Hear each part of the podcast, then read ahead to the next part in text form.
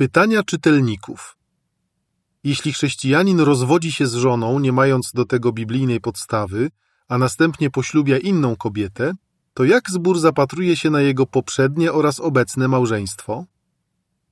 W takiej sytuacji zbór uznaje, że w momencie zawarcia nowego związku małżeńskiego poprzednie małżeństwo zostało zakończone, a wiążące jest nowe małżeństwo. Żeby zrozumieć powody takiego stanowiska, rozważmy, co na temat rozwodu i ponownego małżeństwa powiedział Jezus. Jak wskazuje Ewangelia według Mateusza 19:9, istnieje tylko jeden biblijny powód do rozwiązania małżeństwa. Jezus powiedział: Kto się rozwodzi z żoną, jeśli podstawą do tego nie są pozamałżeńskie kontakty seksualne, i poślubia inną kobietę, popełnia cudzołóstwo. Z tych słów wynika, po pierwsze, że jedyną biblijną podstawą do rozwodu są pozamałżeńskie kontakty seksualne, oraz po drugie, że mężczyzna, który rozwodzi się z żoną nie mając tej biblijnej podstawy i poślubia inną kobietę, popełnia cudzołóstwo. W przypisie czytamy: Dla uproszczenia w tym artykule przyjęto założenie, że stroną winną jest mężczyzna, a nie winną kobieta. Jednak, jak wyraźnie wynika z Ewangelii według Marka 10, 11 i 12, zasada podana przez Jezusa odnosi się zarówno do mężczyzn, jak i kobiet. Koniec przypisu. Czy słowa Jezusa oznaczają, że mężczyzna, który dopuszcza się niemoralnych kontaktów seksualnych i rozwodzi się z żoną, ma biblijne prawo do zawarcia nowego związku małżeńskiego? Niekoniecznie. Kiedy dojdzie do cudzołóstwa, to niewinna strona decyduje, czy przebaczy współmałżonkowi, czy go odrzuci. Jeśli decyduje się go odrzucić i wziąć rozwód, to po zakończeniu postępowania rozwodowego oboje mają prawo do zawarcia nowego małżeństwa. Z drugiej strony, niewinna żona może szczerze pragnąć ocalić małżeństwo i wyraźnie powiedzieć, że chce przebaczyć mężowi. Ale co wtedy, gdy mąż, który dopuścił się cudzołóstwa, odrzuca jej przebaczenie, występuje do sądu o rozwód i go uzyskuje? Ponieważ żona chce mu przebaczyć i pozostać z nim w związku małżeńskim, z biblijnego punktu widzenia nie ma on prawa do ponownego małżeństwa.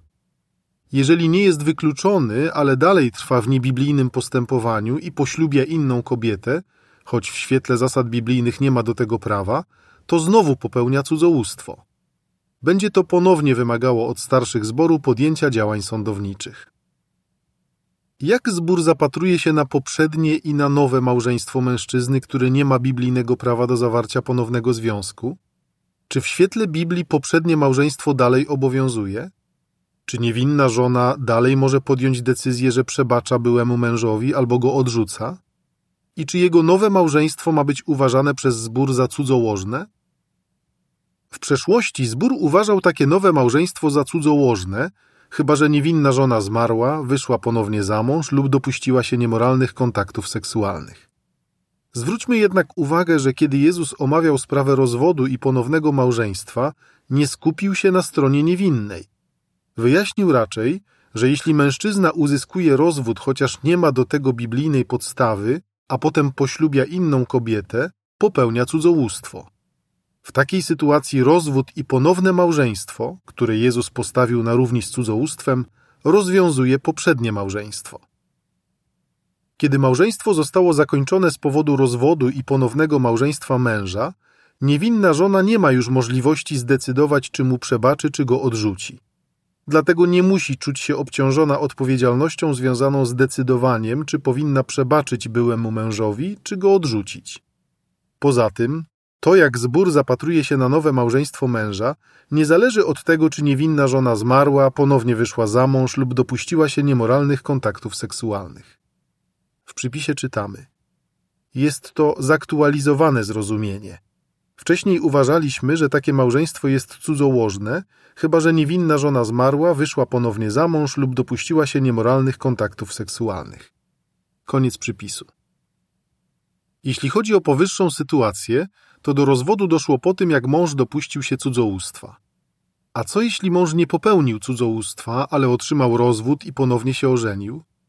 Albo jeśli dopuścił się niemoralnych kontaktów seksualnych dopiero po rozwodzie, a potem poślubił inną kobietę, mimo że żona była gotowa mu przebaczyć?